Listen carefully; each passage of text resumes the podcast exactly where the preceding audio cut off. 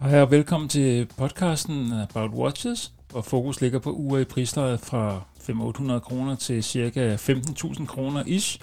Altså et niveau, hvor mange kan være med. Din vært er som altid denne podcast øh, mig, og ja, det hedder Lars Nos. Denne podcast er ment øh, som en frisk pust diskussionen om uger i Danmark, som for de flestes vedkommende handler om meget dyre uger.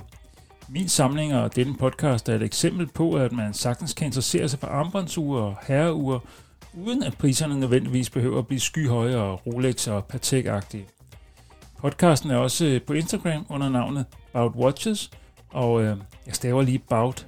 Bout det staves B U B O U T dot watches, altså About Watches, hvor jeg forsøger at poste uger og content om uger generelt. Du må meget gerne skrive til mig på Instagram med ønsker til emner, som jeg kan behandle i podcasten. Jeg vil ikke love, at jeg kan opfylde alles ønsker, men jeg vil love at være lydhør, og jeg vil forsøge at få svaret alle, som skriver.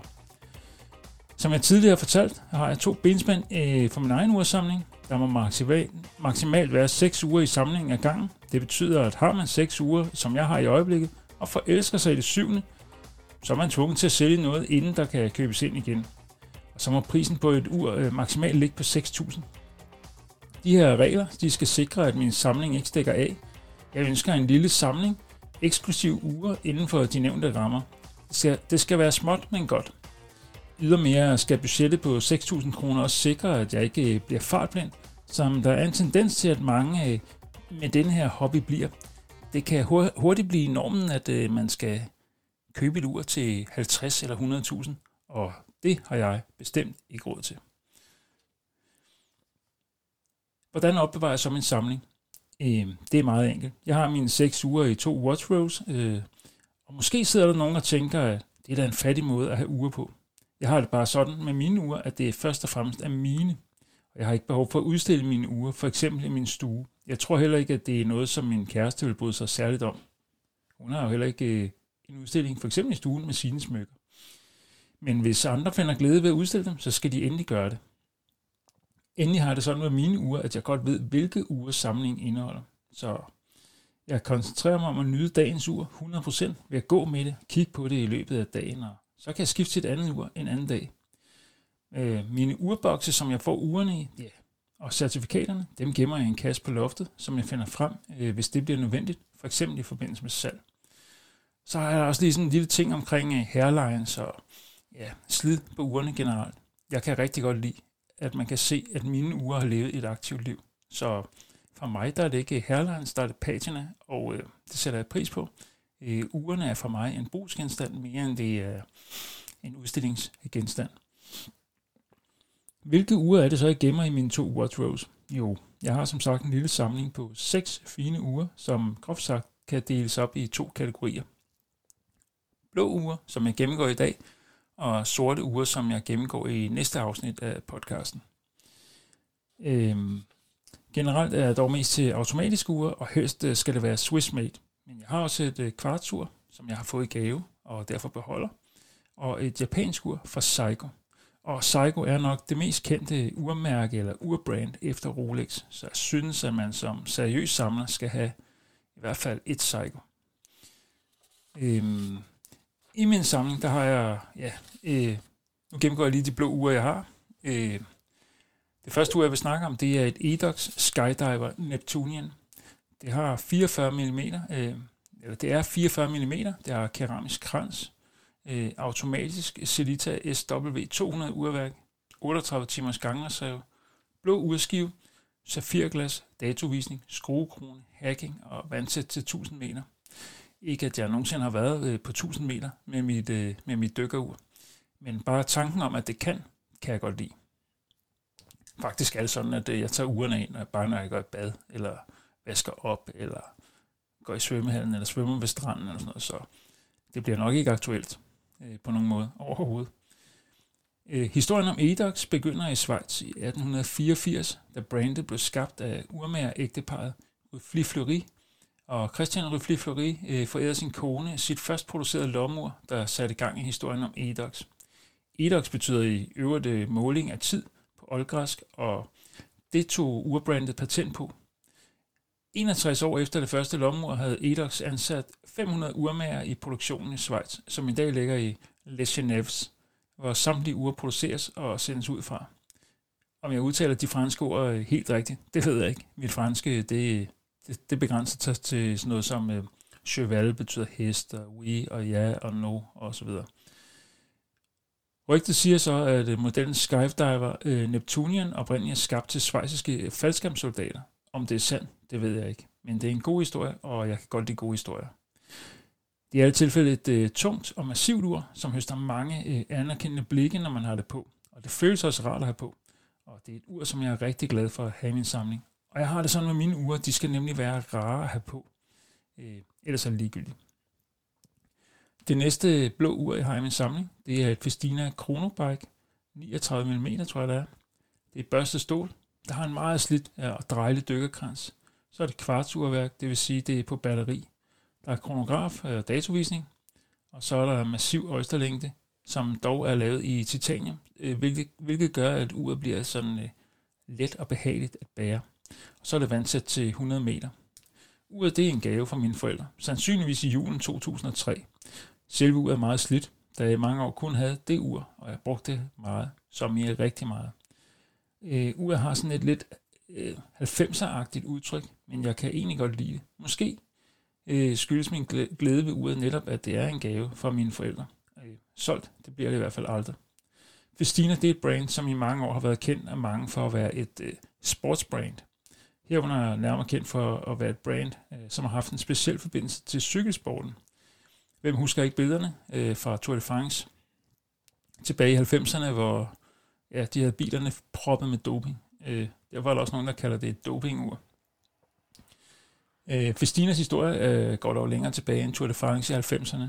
Øh, det går faktisk helt tilbage til 1902, da virksomheden startede op i Schweiz. Selvom det ikke nødvendigvis er sportsforbindelserne, man kender Festina fra i dag, har den historie alligevel været med til at forme øh, Festina til det brand, det er i dag. I dag vil man øh, kendetegne Festina som et sportspræget livsstilsmærke. Mærket regnes øh, blandt mere sådan seriøse samlere for at være et smykkeur, og mange samlere af dyrere ure vis, øh, kviger sig lidt, øh, når snakken falder, for, falder på både øh, uger for både Festina og Jaguar. Fordi det er sådan, at Festina Group de ejer Jaguar. Øh, mærket producerer ure med enormt mange øh, fede funktioner. Og jeg ved ikke, om det stadig er sådan, men øh, jeg mener at vide, at Festina ikke har hjemme i Schweiz længere, øh, men i Andorra. Jeg er dog ikke sikker på den her øh, del af det. Øh, en ting er i hvert fald sikkert, Festina Group ejer øh, øh, Jaguar.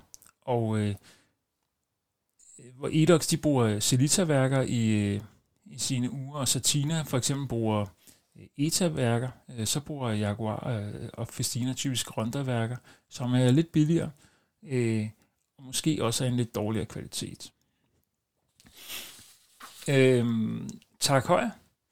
Formula 1 kaliber 6 er det sidste blå ur, jeg har i min samling.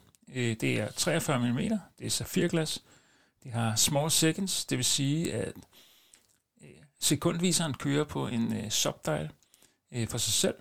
Øh, det har automatisk urværk med 44 timers gangreserve. Der er dykkerkrans i stål, og så er det vand til 200 meter. Det har en fed lumen, massiv øjsterlængde, datovisning og en blå og lækker sunburst skive. Uret har et øh, referencenummer, som hedder WAZ 2014. BA0842. Mere, mere hvis du skulle spørge for nogen. Tak højre som, øh, som, som ur. Øh, hvad er det for en størrelse? Ja, altså virksomheden den blev grundlagt af Edouard Højer i 1860 i byen øh, St. Emier. Det første navn var Uren Manufaktur Højer øh, AG. I 1985 købte øh, TAG Group så ind i selskabet, og det skiftede derefter navn til øh, TAG Højer, eller Tak Højer, som man kalder det. I 1999 overtog det franske luksusgode konglomerat LVMH øh, øh næsten samtlige aktier i Tak Højer. Og LVMH er blandt andet, dem, er blandt andet firma, som står bag Moet, øh, øh, Moet Champagne og Louis Vuitton. Så det er sådan lidt et, øh, et overklasse nogle overklasse produkter, de har på hylderne, kan man sige. Og Tak Højre er også et, øh, et forholdsvis dyrt ur. Og i hvert fald noget, man forbinder med noget øh, sådan semi-luxuriøst. I 2016, der gik Takoya ind i, i et partnerskab med Formel 1-teamet Red Bull Racing. Øh, som følge af, partnerskab, øh, partner, af det partnerskab, så skal øh, Red Bull køre med Takoya-mærkede motorenheder, som er produceret af Honda. Øh, TAG Group øh, var også involveret i Formel 1 i 1980'erne, men da bare som TAG, eller TAG, med motor øh, leveret af Porsche. I det hele taget så står Tak Højer generelt for mig som sådan et vaskeægte motorsportstur. Øh, især manifesteret ved deres karrieremodeller, som jeg synes er helt fantastisk smukke. Men de er også oppe i et, i et leje, hvor jeg ikke øh, rigtig kan være med i forhold til mit benspænd om 6.000 for et ur. Så skal jeg være mere end ualmindelig heldig, og det har jeg ikke været endnu. Øh, jeg synes også, der er noget motorløb over mit Formula 1 øh, kaliber 6 ur. Øh, og det er jo et, et ur, som jeg er enormt glad for og gerne går med. Det var mine øh, tre blå uger, øh, som jeg i øvrigt gemmer i en brun Rod Roll fra Studskov. Øh, og grunden til, at jeg ligesom bare har dem i, i, denne, i sådan en watch roll, det handler også om, ikke bare det her med, at jeg ikke øh, gider udstille dem, men det handler også om, at det er enormt praktisk for mig at have mine uger i en øh, uh, watch roll. Øhm, ja, altså en watch roll, den er nem at smide i en sportstaske, øh, hvis man skal på weekendtur, øh, og det er vi ofte her i familien. Øh, vi er ofte enten øh, ja, på længere familiebesøg rundt omkring i landet, og der er det fedt bare at kunne smide sine uger i en taske, og vide, at de ligger okay og sikkert. Øh, dernæst så, så kan jeg også godt lide, at jeg bare kan have mine ure liggende i bunden af et klædeskab, uden at det, det betyder noget. At der er ikke en eller anden glaslåg, jeg skal støve af, eller noget som helst.